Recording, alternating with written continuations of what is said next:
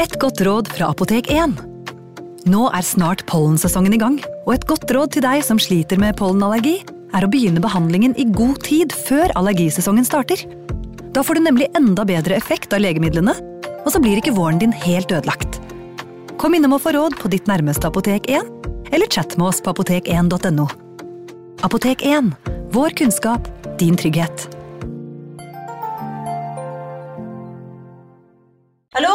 Jeg kommer fra Oslo politikammer.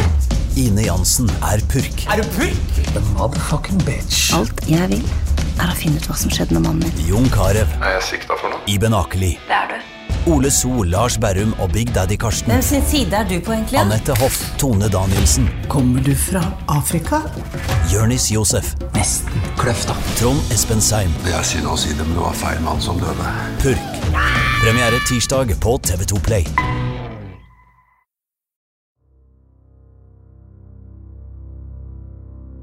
Det er den 21. oktober 1861.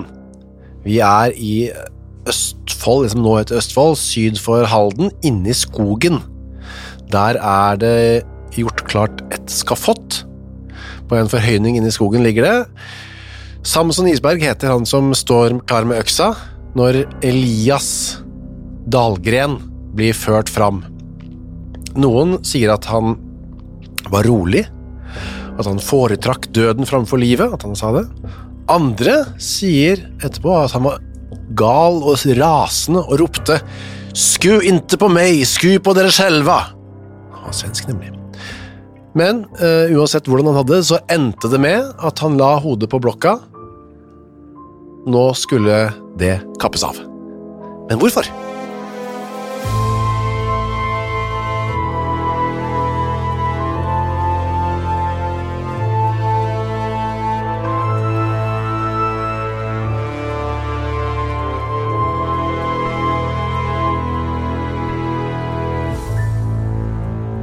Og vi er altså på 1860-tallet, Torgrim Sørnes, Ja, ja. og det er eh, i de mørke skoger eh, i øst, det som nå heter Østfold. ja Smålenenes amt, som de kalte det. Ja. Nå heter det vel ikke Østfold lenger heller? Nei, det heter ikke det lenger, da. Det var bare en periode, det. Ja, en kort periode.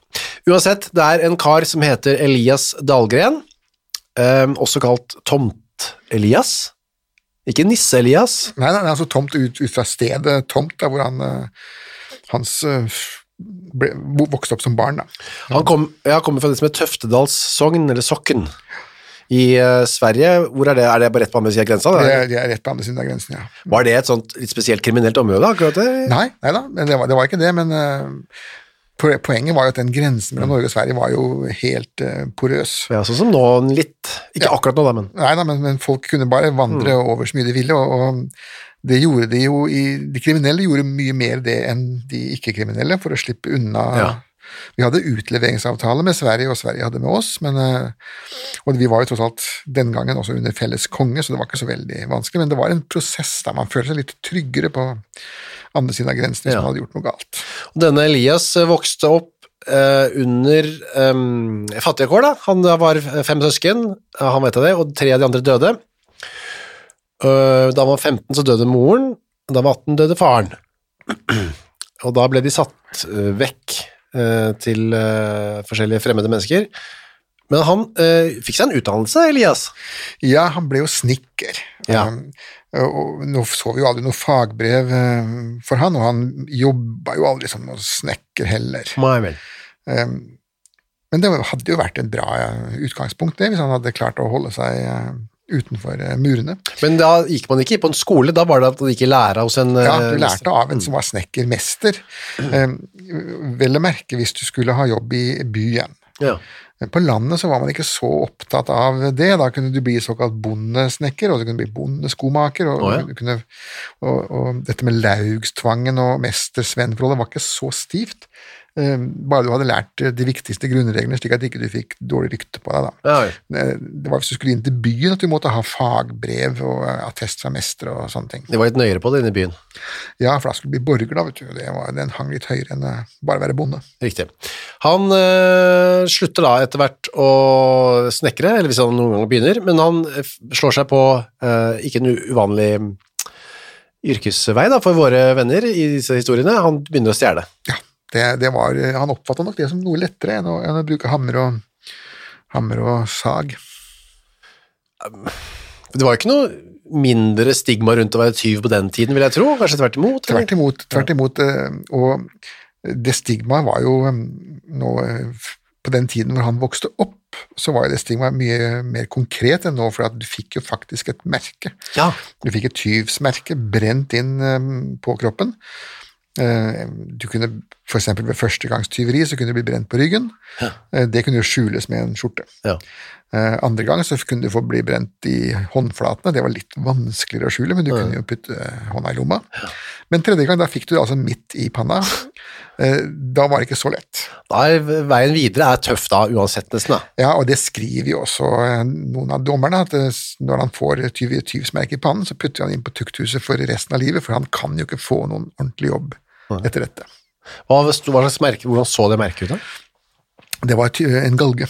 Eh, Det var en galge, eh, og det var eh, nesten tro kopi av den galgen som befant seg i Trondheim. Det vil si at det var to eh, planker som sto opp, og så var det en tverrplanke over dem, og så hang du der. ja. Jeg har eh, klart å ta kopi av det merket, og jeg bruker det som sånn eh, Jeg har fått lagd et seil Har du det? ja, med det merket på. Du har ikke tatovert det på kroppen din? Nei, det har jeg ikke. Jeg er utatovert, men jeg har det på noen av bøkene mine. Ja, ja, ja. Det er jo en idé til en tatovering for noen tøffinger der ute, da. Uh, ok, uansett, da. Fikk han Elias denne gang, dette stempelet? Vet du Nei da, han, han eh, klarte å unngå det. Han gjorde det. Eh, Vesentlig fordi at mesteparten av det han drev med, var jo i Sverige. Ja, riktig, ja. Han dro til Norge i 1838 for å stjele og ble tatt og dømt der i 1839. Mm. Sa vi når han ble født? Ja, han eh, ble født den 17. mai Ja. 1816. 1816, ja. Det var veldig kort tid etter den originale 17. mai, men det var ikke noe barnetog og sånn da. Nei, det, var ingen, de kom jo ikke før eh, Henrik Wergeland klarte å få satt de opptøyene der i, i gang. Eh, Sånn at 17. mai 1816 var egentlig en hvilken som helst dag, da. Men, men det, var jo, det var jo en dårlig dag. Det var jo et fryktelig mm, dårlig vær. Var det det? Ja, altså Året før så var det en vulkan eh, nede i Indonesia, da, Tambora, som hadde gått i lufta med et eh, bang. og medførte da at neste år, året 1816, det var året uten sommer, eller Ja. som de sa i Amerika, det er 1800 and froze to death. Det var jo misvekst og uår og Over hele over hele nordlige halvkule. Oh, ja, okay. Den sørlige halvkule var det ikke mange som brydde seg om den gangen. Nei, på den eh, tiden altså, vokste han opp, og så ble han eh, i 1839, altså han ble 23 år, så flyttet han til Norge. Stemmer det? Ja. Ja, Jeg ble eh, dømt i hvert fall. vandret iallfall over grensen. altså Ja. Om han korrekt meldte flytting, eh, det tviler jeg jo på. Og da eh, dro han tilbake til Sverige og ble dømt og puttet inn for eh, tyveri der også, i Sverige, i 1843. Tre år senere ble han eh, dømt igjen, satt inn, 1853, fjerde gang. Men nå eh, begynner han å bli lei av å bli tatt, da. Ja, iallfall av den svenske fengselskosten. Han syntes det var stusslig sak. Det var det sikkert òg. Sikkert. Så har, nå har det vært mye fengsel. Så eh, drar han til Norge igjen, til eh, det som nå heter eller, Ja, nå heter det ja, Østfold, da. Gidder ikke å La oss si Østfold. Ja, si jeg er født og oppvokst i Østfold. Ja. Eh, og da møtte han en type som han ble venn med. Ja, det var en annen svenske, da, den såkalte Mode-Johannes. Ja, Mode. Mode-Johannes. Det, ingen kilder kan opplyse helt hvorfor han ble kalt for eh, Mode-Johannes. Eh, annet enn den østfoldske trangen til å sette oppnavn på folk, da. Ja vel, var det Østfolds, det? Ja, altså I Østfold, der hvor jeg vokste opp, så var det slik at eh, du fikk ikke gå i fred med ditt vanlige navn. Du Åh. måtte alltid ha et oppnavn, okay. eller et utnavn. Åh. Det begynte allerede på folkeskolen, det. Sier du det? Hva var ditt, da? Skal vi la den ligge? Skal vi det, ja? Ja, ja, greit. Eh, Da, eh, uansett hva mode, hvorfor han ble kalt det, så var det Mode-Johannes og Tomte-Elias, som da slo seg sammen, ble et radarpar. Radar-røverpar, da. Ja, ja, absolutt. Og de bodde i huler. Ja, og det er masse av det i det distriktet der. Det, Ja. det har, om det har å gjøre med den opprinnelige vulkanske grunnen som, som jo er hele Oslofjorden rundt. Det er masse huler, og, og, og den hulen som han bodde i, eller flere av dem, er jo faktisk bevart. Og jeg sier det? Ja, det, det arrangeres, så vidt jeg har sett, eh, turer opp til, eh, tom, opp til eh, Tomte Elias' røverhule. Da. Å, det er jo kjempespennende, da. Ja, for den som liker å ha gode gummistøvler og Ja. i skog og mark. Og, Hvordan, at det, altså, det hadde en fast, de da, en fast hule som var hjemmet deres, og så raida de rundt? ja, og så raida de rundt, og så hvis det ble for hett der de var, så fant de en ny hule. da. Ny hule. Men poenget er at disse hulene måtte være såpass store da, at de kunne bo i dem. da. Ja, de måtte kunne lage mat, tenne bål, sove der. Ja, rett og Også hjemme unna eh, tyvegods, da. Ikke minst. Men hva var egentlig det, jeg bare tenker, er det, er det et bedre liv enn å være en snekker, snikkar i eh, Sverige? Enhver person velger jo eh, fra sine egne forutsetninger, men det er klart at hadde Tomte-Elias hatt muligheten i sin personlighet for å jobbe en fast 9-4-jobb, skaffe seg et hus, skaffe seg en kone, skaffe seg en Mm. liten plass å bo på, så hadde han jo sovet i en seng, Ja, det det. han hadde hatt mat på bordet. Men så er det dette med spenningen, da. Mm. Det er ikke noe spennende å være snekker. Nei, det er, et, det er jo et eventyr å bo sånn ute være røver i den Ja, og, og det har jo flere nålevende kriminelle også blitt spurt om. Hvorfor Ja. fikk ikke du deg et ordentlig levebrød? Og ja, det var akkurat den derre spenningen, da. Spesielt var en smugler som, som fremdeles lever, da, som ble spurt om hvorfor han drev med den smuglingen. Og han, det var akkurat det han nærma seg grensen. Mm. Den kicket som kom da, det, det var eh, ubetalelig. Ja, det var kanskje det som var, lå bak Mode Johannes og Tomte Elias. Det vet man ikke. Men de var altså ikke landeveisrøvere, at de overfalt folk på veien, eller? Nei, de, de, de eh, raida bondegården. Ja, bondegården som det var rundt omkring der, og da innom natta, fortrinnsvis, stjele litt greier, og så ut igjen, og så til eget forbruk, eller som man skulle selge? Nei, det de stjal var jo bare brød og smør og fisk, og det var ikke, det var, dette var jo ikke profesjonell eh, liga, dette var jo bare folk som skulle ha mat uten å måtte jobbe for det. Jeg synes jo ikke tjene masse penger og slå seg opp. Nei, nei iallfall så gjorde de ikke det. Nei. De ble etter hvert beryktet, disse to her da. De ble et sånt uh, avskydd eh, røverpar på begge sider av grensen, står det i Ja, boka di. og kjent også. Ja. Alle visste hvem de var. Ja, for man, okay, man klarte ikke å få tak i dem, eller orka ikke å prøve, eller? Ja, de, jo, de prøvde jo til slutt, da, når de hadde, det var denne Anders Vrenghult som de da hadde Ja. raida for ganske solide mengder med matvarer. Ja, da lå altså Andreas Vrenghult og sov sikkert på bondegården, så våkna han opp og, og så at eh, dagen etter mangla det smør, klær og 15 brød. Ja, det var en solid eh, mengde med bakevarer, da. Ja, hva skal du med så mye brød? Nei, hva skal de med det? De hadde jo ikke rukket å spise opp det før det var mugna, vil jeg tro, selv om uansett hvor sultne de var. Ja. Eh, Så dette var mer slik at nå tar vi det vi får, Ja. det vi får tak i, og så ser vi etterpå hva vi skal gjøre med det. Vi husker jo tilbake til vårt første, første treff her, da, med Mikkel Hansen som begynte med å stjele en lue, bare. Ja. Det er, det er en form for eh, kleptomani ute og går, da, hvis man stjeler ting som man åpenbart Ikke har trenger. bruk for. Mm. Ok, det var litt dumt å rane han, da, for han eh, var en uh, handlingesmann, en vrengsult, da. Ja, Dette var i Sverige, eller? ja Vrenghult er i Sverige. Ja. Ja. Eh, Da tar han med seg fire karer, alle er bevæpnet, og legger på jakt etter uh, Tomtelia, altså modige hans. Og de klarer å finne dem i noe som heter Bodalsviken. Ja, og da hadde de også uh, mye å bære på, da. De røverne. Ja, 15 brød, kan du tenke deg. Ja. Vi går jo med bæreposer av butikken med to brød syns det er eh, ille. Eh, 15 brød, masse klær, smør. Eh, de var veldig tungt lasta, og da løper man jo ikke så fort gjennom Gjør ikke det. Og han eh, Vrenghult da skyter med denne mm, geværet sitt som en muskedunderaktig greie, da, eller? Ja. Mhm. Og treffer faktisk modet Johannes. ja. Eh, han treffer den, eh, men de klarer, han, han blir ikke felt i Nei. samme øyeblikk. Han klarer å stikke av, eh, men nå kaster de jo varene fra seg. Ned ned i denne buksjøen, da. Ja, og, og det er jo også en ting, ikke sant. Istedenfor å så kaste de på bakken, Ja, vær så slik at, slik at eh, iallfall eiermannen kunne fornye dem. Nei, så kaster de i, i vannet. Da skal ingen ha glede av det. Nei. Og det, dette er jo også en sånn karakteristikk av deres personligheter, da. Riktig. Og han skyter et skudd til, Vrenghult, av de som prøver å altså løper av gårde, og hører en hånlatter. Ja. Det tar oss ikke denne gangen heller. Hvem av de to som lo, det vet vi jo ikke. Nei, sikkert mest sannsynlig Tomte-Elias, han var jo skutt, han modige Johannes. Ja, Og ingen har sett ham siden. Nei, også, men det man hørte var fra denne boksjøen samme natt, skrik fra denne sjøen. Ja, og, og som sagt, det er flere teorier for hva som skjedde med, med Modig Johannes, men eh, noen sier jo at det var Dahlgren selv som tok livet av ham, da. Ja, ikke kunne slepe på den gamle Ikke sant? såret. Her har du en såret person som eh, Hvis de får tak i den, så kan han vitne mot deg og Ja. sånne ting. Så det er bedre at han blir avlivet, da, og det eh, tror man jo at han gjorde. Men han ble aldri funnet. Nei, han ble aldri funnet. Det, han ligger vel muligens på bånn av Boksjøen fremdeles. Ja, det kan være. Uh, og så kom han seg unna, da, vår venn Elias. da. Ja, han klarte da å komme seg unna. 1855 ble han tatt igjen. Da var han i Norge, og det ble stjålet noe mer. Uh, Sett i fengsel på seks år eh, ble han dømt til. Ja, Slapp ut etter fem. Ja. og nå, nå er vi jo ferdig med den gamle kong Kristian 5.s lov. Nå har vi fått ny straffelov, den fikk vi i 1842, da. Ja, Så nå slipper han brennemerking og pisking. ja riktig, han, han slapp unna det. Nå er det bare fengsel. Ja. Uh, han skulle deporteres. Nå vil vi ikke ha denne mannen i Norge mer, og ble fraktet da fra Akershus, hvor han hadde sittet, rett ved der vi er nå, i å spille inn podkastene, Ja. og fraktet i retning Sverige, men dit ville ikke Dahlgren. Nei, han hadde ikke noe patriotiske følelser for fosterlandet. fosterlandet. Og rømmer, som vi har hørt mange, det er tydeligvis ganske lett på den tiden, å rømme fra denne fengselstransporten. Ja, det var uh, easy-peasy. Og Mosseskogen er stedet han rømmer. Ja, pussig nok.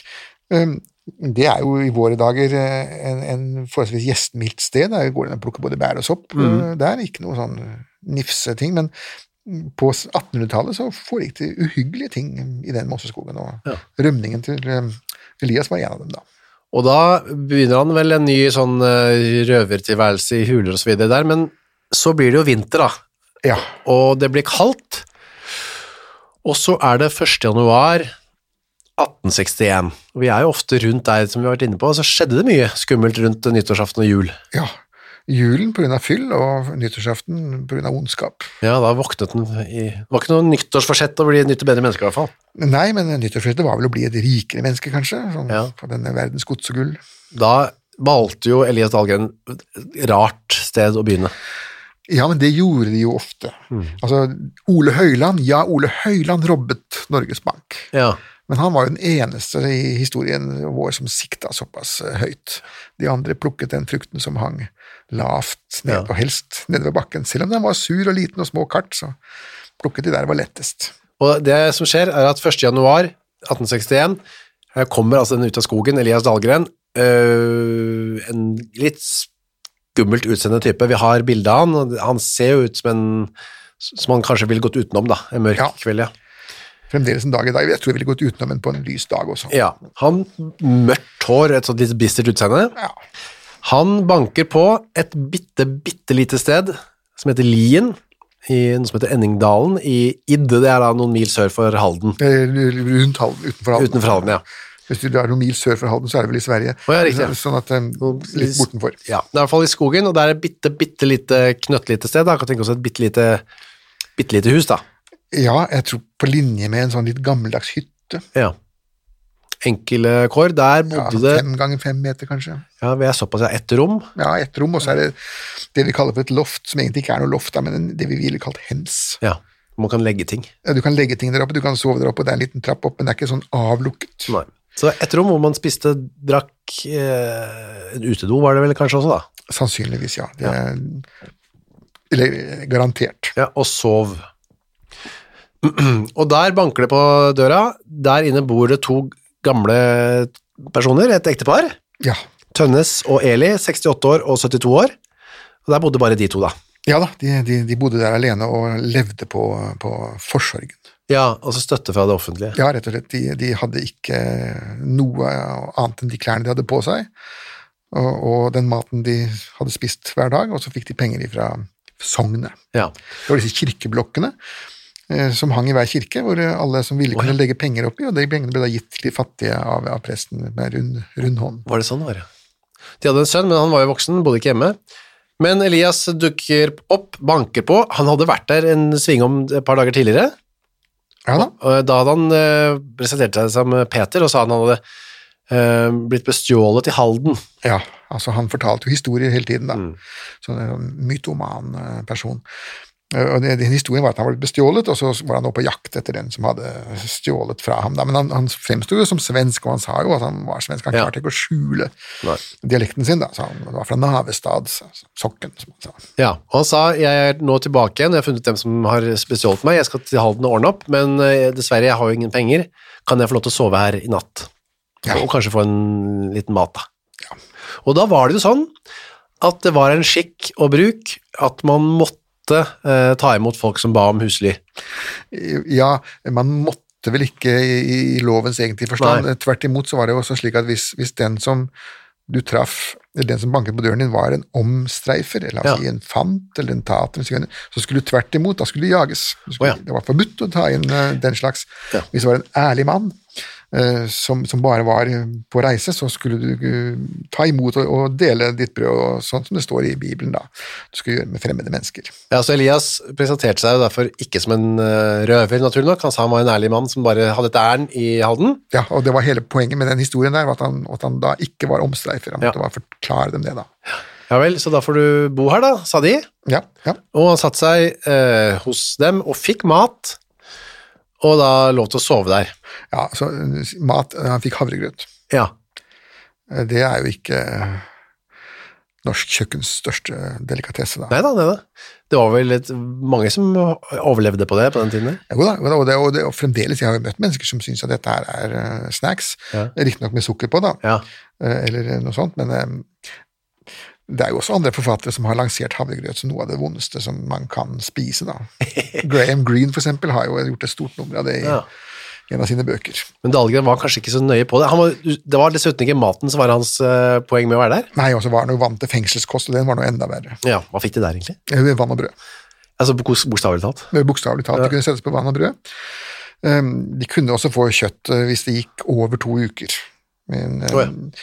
og man kunne også bytte ut, hvis man hadde fått en fengselsstraff på så og så mange uker, så kunne man forkorte den ved å si at jeg kan ta det på vann og brød, for Ja. halvparten av tiden. Ja, det kunne man forhandle seg fram til, da. Men så var det jo også veldig mange langtidsfangene som fikk makt. Ukas annonsør er Cura of Sweden.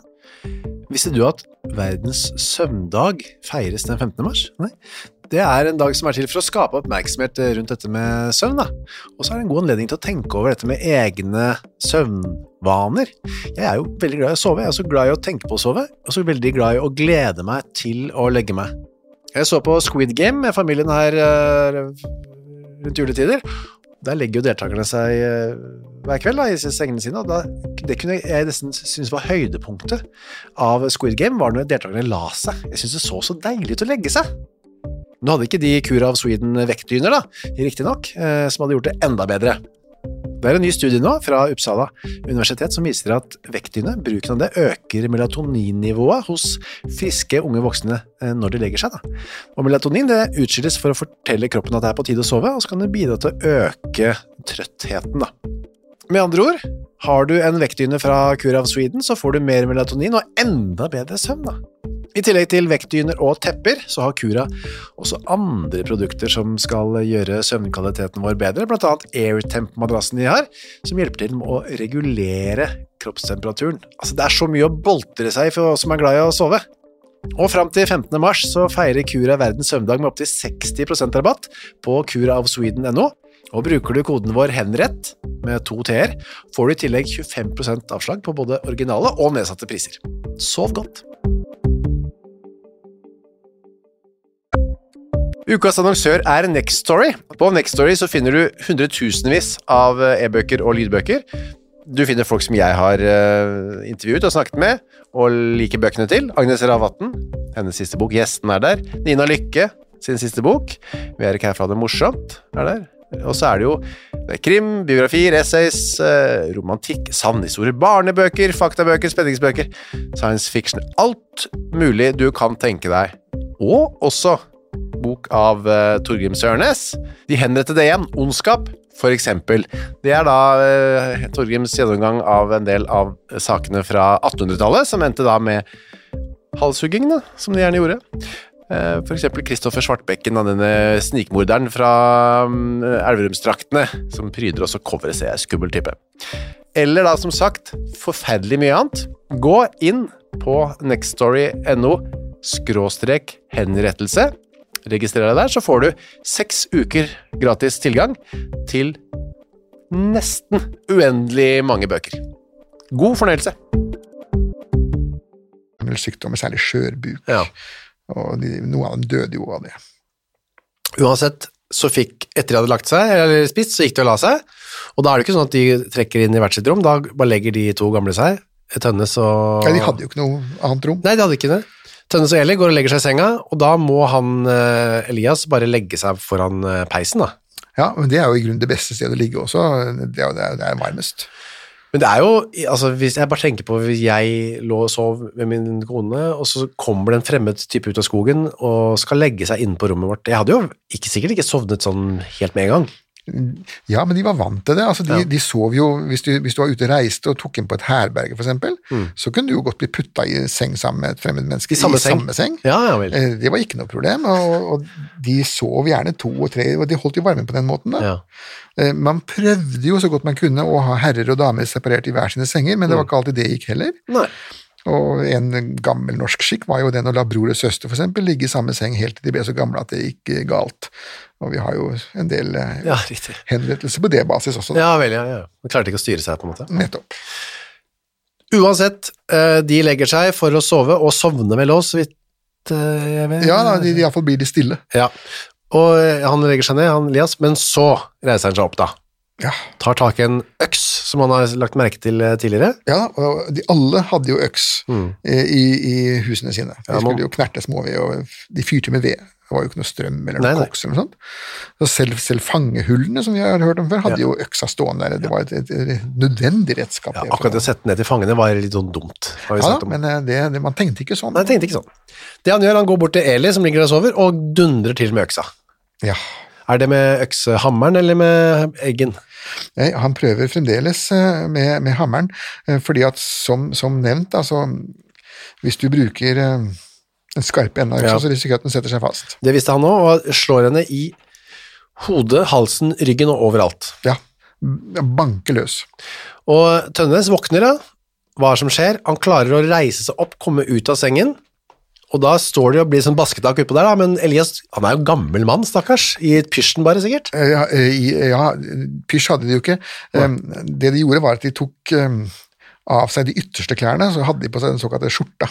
Ja, så han sov i en skjorte. Ja, altså den, samme skjorta som han gikk med på dagen, da.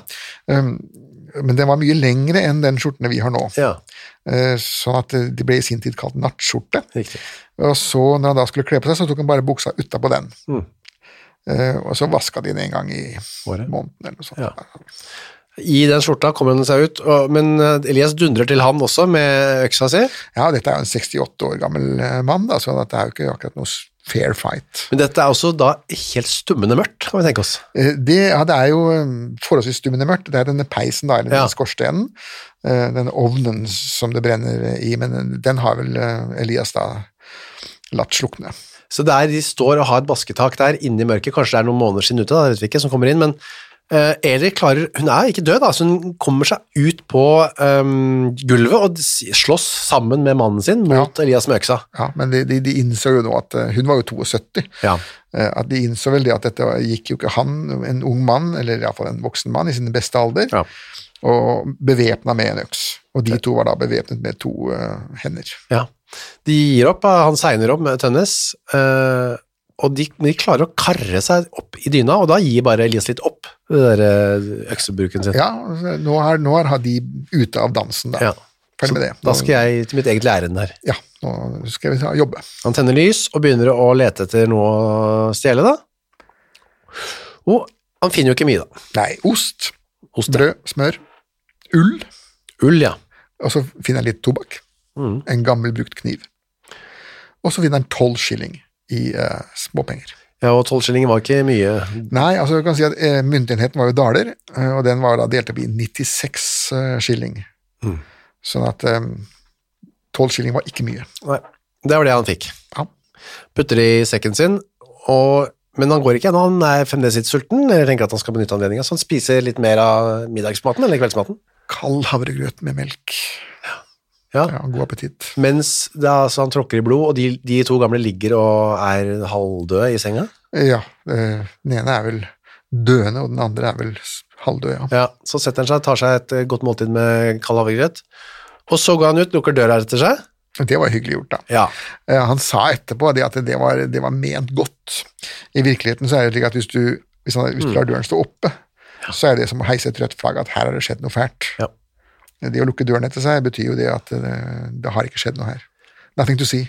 og går ut i natten, eh, første nyttårsdag, ja, 1861, med noe ost og noe tobakk og, og 12 skilling. da. Ja. Ja, det er jo øh, litt av en type. Dagen etter, eller to dager etter, kommer en sønn, sønnen deres, ja. Simon kommer på besøk. ja, og skal besøke mamma og pappa, og der kommer han inn og blir møtt av et eh, fælt syn, blod overalt. Ja, altså det, det å drepe folk med øks, det er jo noe grisejobb. Det spruter jo høy til tak og vegger og overalt. Altså, det er blod overalt, og kommer inn, og der, men der er ikke begge døde, da, som man kanskje skulle tro. Nei da, altså Eli hun, eh, hun ligger i senga og, og ligger rimelig stille, men det er fremdeles puls. Og Tønnes han eh, ligger på gulvet. Han har da forsøkt å komme seg fra senga og for å få fyre opp peisen slik at de ikke skulle fryse i hjel. Ja. Eh, men han besvimte jo da før han kom så langt. Ja, Av- av liggende blod- foran eh, peisen der. Av blodtap. Ja. Men de, Simon klarer å få dem til bondegård i nærheten, og legen kommer og undersøker dem, og det viser seg at eh, Tønnes da, han er den som har eh, minst skader. Ja, han har forskjellige skader, han lår og rygg og sånt, men det som kunne ha drept den, var et, et eh, øksehugg som han fikk i hodet. Men der sklei øksa for Dahlgren, slik at han fikk ikke høl i skallen. Han bare skrapte av eh, hud og, og underhud, slik at det da blør det masse. Ja. Altså Hodeskade blør jo kolossalt, men så lenge du klarer å ikke knekke skallen, så er det i grunnen ikke så dødelige som det man ellers ville tro. Nei, så det ser verre ut enn der. ja. Men eh, Eli, som hadde ligget da i sengen, og han hadde kunnet liksom dælje løs eh, fritt, da, Ja. hun hadde fått verre skader. Ja, hun eh, hadde fått værskade. Hun hadde brukket eh, armen. Eh, hun hadde fått slått av huden slik at man kunne se inn både på hodeskallen, på pannen og på kjevebeinet hennes. Og dype sår, bryst og hender, og masse blodtap. Begge to. Og, og det er klart at det som en person på 30 år kan overleve, det tar livet av en på 72. Men begge to var bevisste, og de kunne fortelle da hva som hadde skjedd, fortelle i detalj om Elias og hans ja. besøk da. Og hvordan han så ut. Ja. Og da eh, var det sånn at da hadde Dahlgren rømt tilbake til Sverige i mellomtida. Fem dager senere så ble han arrestert, for da i Håby, er det noe som heter Håby der, ja? Ja, ja, i Bohuslän, ja. Han hadde da gått sørover igjen, eh, i retning av, eh, i retning av eh, sitt opprinnelige hjemsted. Da. Eh, Men de fant ham da på dette stedet som heter Kvistrum bro, som jo er et berømt slagsted Ja. eh, fra, fra den såkalte Tyttebergkrigen, mm. som eh, på 1700-tallet, hvor en norsk styrke gikk inn og skulle angripe Bohuslän, og så da vant vi da ved Kvistrum bro. Vi kom faktisk helt til Göteborg, og da krigen ble avblåst, og så måtte vi bare vandre hjem igjen, da. Ja. Men der ble han, for der så de, det er Elias som har kommet. Vi samles en gruppe, og så tar vi den. Ja, ja da. For han var såpass beryktet, da. Ja, nå var det det de, det de tok, det var på en måte en mistenkelig person. Ja. De hadde hørt at det, nå var det en eh, rømling, Ja. og så ser man da at, eh, på Kvistum bro at her har vi en som ikke vi har sett før, Og sånn. Eh, og da tar vi han. Eh, Fordi at han, han selv påsto fremdeles at han ikke var Elias Dahlgren, at han var Johannes Eriksen, da, fra, og denne gangen fra Rørland. da. Ja. Han har skiftet jo sin, eh, sin historie, sitt narrativ, etter hvert som det passa for han da. Da tok man bilder av han, da, for såpass hadde vi man kommet da. Ja, og, og det var jo en av de store tingene i norsk eh, kriminalhistorie, at man klarte å fotografere folk. Og de som ble fotografert, fangene, de var jo også fullstendig klar over at dette var farlig for dem. Så at veldig mange av de bildene du ser av fanger, der har de sånne forvridde ansikter Ja. og, og, og lager grimaser for at de ikke skulle bli gjenkjent. Det finnes På Justismuseet i Trondheim så finnes det et veldig artig bilde av en sånn forbryter som gjør en veldig rare grimaser til kamera. Uh, vi har et av de bildene, som sagt. Han, han, der er ikke han noen grimaser, han ser bare litt sånn farlig ut. Ja, Men ved hjelp av de da, så kunne man si jo da, dette er Elias, eh, vi har arrestert han før. Dette er uh, han som var inne i, hos de, disse to gamle, da. ja. Men på det tidspunktet han ble arrestert, er, er han jo ikke en morder. Nei da, han er fremdeles eh, ikke det. Eh, Han er bare tjuv og overfallsmann, og ser i utgangspunktet nå fram til en lang, lang eh, fengselsstraff. Ja, for innbud og ran. Ja, nå ser han jo fram til livstid. 10. januar tilstår han at han har vært på Lien øh, og forbereder seg, ja. Men så dør da Eli Andersdatter, som hun het, Av lungebetennelse. ja, 26. februar, og legen sier at det er ingen tvil om at dette er en konsekvens av skadene fra innbruddet eller overfallet. Ja, Hva han bygde det på, eh, skal ikke jeg eh, kritisere ham for. da. Eh, Det kan godt tenkes at han hadde rett, men han, han kunne også ha tatt feil. Hun døde tross alt av lungebetennelse, Ja. og ikke fysisk av de skadene hun hadde fått av Hun døde av en komplikasjon. Mm. Hvordan hadde det vært i dag, tror du? Med, Nei, I dag hadde en, en advokat med noenlunde god juridikum hadde klart å få ham vekk fra mord? Ja. Ja vel, men det blir, eh, sånn var det ikke da, og han blir rett sagt da, selvfølgelig. Men så begynner han jo å pynte litt på sannhetene. Ja, ja, som, som de alle gjør. Ja. Som de alle gjør. Og først sier han at det ikke var meningen å dra dit for å drepe dem. Neida, det var- dette med overlegg og forsett som han uh, var veldig opptatt av å snike seg unna. Ja. Naturlig nok. Ja, for at eh, dette var jo som sagt den nye loven, og her uh, kunne det være nyanser som kunne få ham til å slippe unna både det ene og det andre, hvis han klarte å ordlegge seg riktig. Ja, Han sier at han ikke hadde hensikt til å hugge heller, men, og i hvert fall ikke å stjele noe. Nei, altså Poenget hans, sånn som han fremstilte det selv, da, det var at han ville bare ha passivisert de to gamle. Ja vel. Han ville bare ha dem til å bli liggende i senga, mens han forsynte seg av deres uh, rikdommer og herligheter. da. Ja. Så da han dundra løs på hun som lå der, var, han skulle bare, bare liksom få henne til å holde seg rolig. Ja, En slags overreaksjon. Ja. Men det, det holdt jo ikke, og han eh, blir jo da utfordret på det. Ja, og, men så kommer da det som er eh, litt morsomt, da, hvis du tenker sånn juridiske morsomheter. Mm. Det er at Høyesterett kjøpte faktisk den forklaringen hans, da. Ja. Eh, At han ikke hadde til hensikt å ta livet av dem. Eh, Og, og også at eh, fruen, eh, den døde fruen, eh, ikke var direkte myrdet av ham, da, men av en komplikasjon. Men samtidig så var det helt åpenbart at Høyesterett kunne godt tenke seg å få halshugget Dahlgren uansett. Så da fant man en annen paragraf. Så han ble ikke dømt for mord. Nei, han ble dømt for uh, røveri. Eh, og der er det slik at uh, denne nye straffeloven, da, paragraf 24, eh, eller kapittel 20, nummer 4, der var det slik at hvis du eh, for å begå røveri eh, dreper, eller den mishandlede personen omkommer, Ja. eh, så kan du enten få straffarbeid på livstid, eller ha ditt liv forbrutt. Altså, dødsstraffen var andre alternativ. Og da er det slik, nå er ikke jeg jurist, men jeg har forstått det slik at når man, når man har et, et andre alternativ, så skal det noe spesielt til for at man velger det. Eh, og det spesielle var jo nettopp det her at han hadde brutt gjestfrihetens lov. ja. Han hadde ikke overfalt de to gamle på veien. Han hadde blitt invitert inn i deres hus og begått mordet der. Det syns da Høyesterett var aldeles grusomt, og det, det var det jo òg. Ja, for det var den, det prinsippet med gjestfrihet, og de skrev her Jeg skal lese opp, da. Den edle gjestfrihet, dette er fra høyesterettsdom, da. Ja, ja. Som trint om i dette land, og det nettopp mest i den ensomme hytte og i avsidesliggende egne, ydes den ukjente vandrer, er på en måte tilsagt av nødvendigheten der, nødvendigheten der hvor en tynn befolkning i et barskt klima bor spredd på få store vidder. Men skal denne gjestfrihet i tidens lengde vedvare, må den gjestfrie Arne på den sterkeste måte staten formår, omhegnes og sikres mot lumskeligen, at blir skjendet og blodstengt av en, det er jo flott språk da, Ja av en utroskyldighet troskyldighet opptagen røversk vandrer.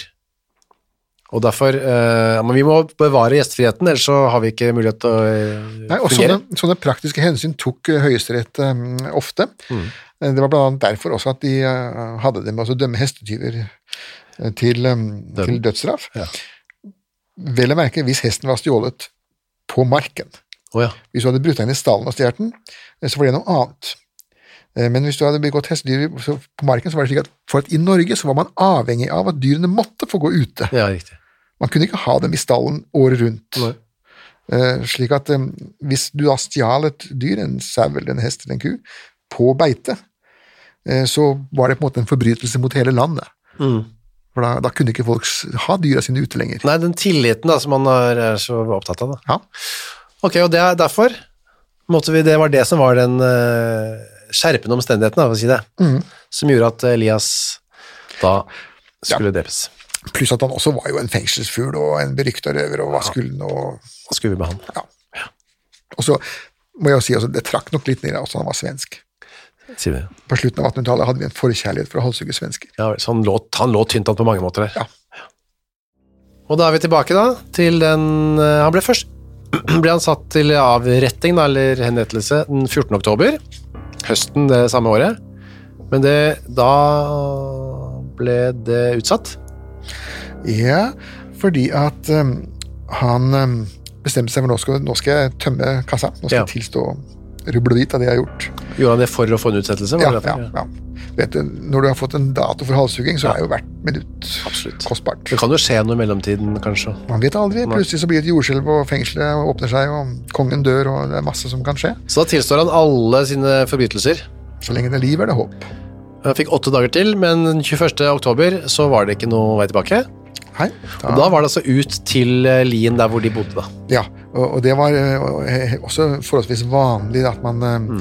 man lagde selve henrettelsen på det stedet hvor forbrytelsen var gjort, hvis det gjaldt røveri. Og jeg visste alt røveri, ja. Ja, det er flere landeveisrøvere og postrøvere og sånne ting. De ble henrettet gjerne der hvor, eller i nærheten av der hvor det hele hadde skjedd. ja. Men Det var også en sånn skikk, men hvis du derimot hadde begått la oss si, eh, vanlig overlagt drap eller, Mm. eller incest eller eh, sånne ting, så var det egne rettersteder. Ja. Mens, mens disse røverne, landeveisrøverne de skulle da henrettes på det stedet hvor røveri hadde skjedd. Mm. For å avskrekke. Men du skulle tro at eh, det var litt sånn tungvint å dra inn der, og folk måtte jo reise inn og rydde skog og alt mulig. Ja, men de gjorde det, altså. Ja, for det skulle gjøres. Ja, og de, de, de, folk kom. Det var ikke noe mangel på Det er én eller to ganger i, i norsk eh, rettshistorie at man har flyttet en henrettelse fra det egentlig korrekte stedet til et litt mer sentralt strøk for å få flere tilskuere. Ja, for man var opptatt av det. Ja, det måtte være mange som skulle se på. De skulle lære av dette. Dette var jo voksenopplæring for befolkningen. Og da eh, er det altså den offisielle historien, eh, skriver du altså i boka di, at eh, det, sies at han nå hadde akseptert sin skjebne, og at døden var å foretrekke framfor livet. Ja, Men han hadde vel ikke det.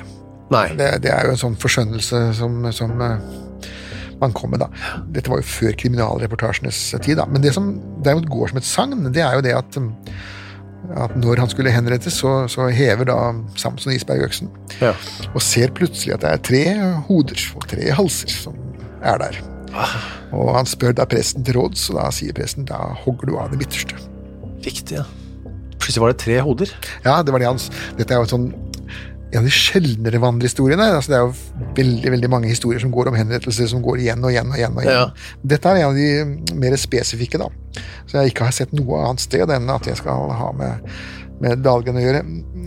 Dahlgren ble jo også brukt senere som som skremselspropaganda overfor ungene. da. Hvis ikke du er snill, så kommer Tomte-Elias og Å ja. tar deg, da. Men det med hodene, han Isberg, var han litt sånn uh, uredelig type, eller var han en Nei, Isberg var jo en, en stø person fra Odda. Ja. Uh, og det, der er det jo stort sett bare stø personer. Så Ja han han uh, drakk vann og leste fadervår. ja, Så det var ikke noe fyll og fanteri? Nei, han var en speidergutt. Så de tre hodene var jo veldig spesielt, da. Ja, det var det. Sannsynligvis så skal den historien her reflektere på røverens Ja. Onde eh, natur, var- mer enn på Isbergs Har noe eh, demonsk eller et eller annet sånt som Ja, skjedde? noe, noe magisk. Så presten sa bare sikt på det i midten. Og det gjorde Isberg. Ja da. Og det var heldigvis det riktige hodet, da. Ja, det Gudskjelov. Plopp. Av med hodet. Og så mye mer vet vi ikke om dette. Jo, han ble begravd, på, både han og dette hodet. da. Ja. Det ble begravd på, på Prestebakke kirkegård. Hvor er det? Eh, Det er rett ved siden av. Ja. Det er, eh, men eh, som de gjorde, da, jo- gjorde, de bar kista over muren. Altså, Ja. de gikk ikke gjennom porten. Ja, for det var forbeholdt de ordentlige menneskene. Ja, ja. Altså, noen få år før så ble jo disse forbryterne begravd i villmarka. De sunket i myrer og begravd på rette steder. Men nå hadde man jo sluttet med det av hygieniske årsaker, så skulle nå alle på kirkegården. Men som en sånn siste liten um, reminiscens om det som da hadde skjedd før, var at de skulle bæres over muren. da, Som en sånn liten ydmykelse. Og ikke noe kors eller gravstein? Ikke noe gravstein, ikke noe kirkeklokker, ikke noe likprediken. Anligger der fremdeles, Anna. Sikkert. Eh, Ja, hvis ikke de har spadd den opp igjen. altså De resirkulerer jo gravene. da. Ja, ja. Eh, Ellers så hadde jo hele Norge vært en eneste stor kirkegård. Det ligger kanskje litt igjen, da. Noe må Ja, det Jeg skal ikke grave der. Du skal ikke det. Det var historien om eh, Elias, Tomte-Elias Dahlgren, det. Jepp. Vi er tilbake med en ny forferdelig eh, fortelling om en uke. Jepp.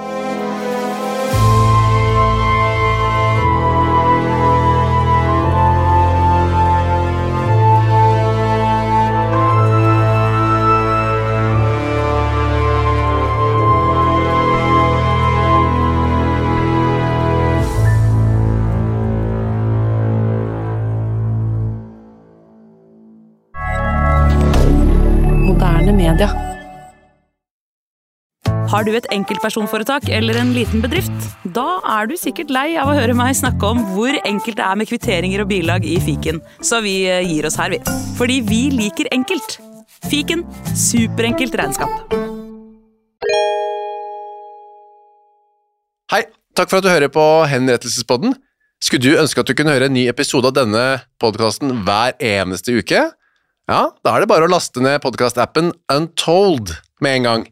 I tillegg til at du får da Henrettelsespodden en gang i uka, så får du andre ukentlige podkaster som Historiepodden, True Crime-podden og Gangsterpodden, for å nevne noe. I tillegg til masse annet reklamefritt og eksklusivt innhold, blant annet noen godbiter, da, signert Torgrim og meg. Last ned Untold i AppStore eller på Google Play, og start din 30 dagers gratis prøveperiode i dag.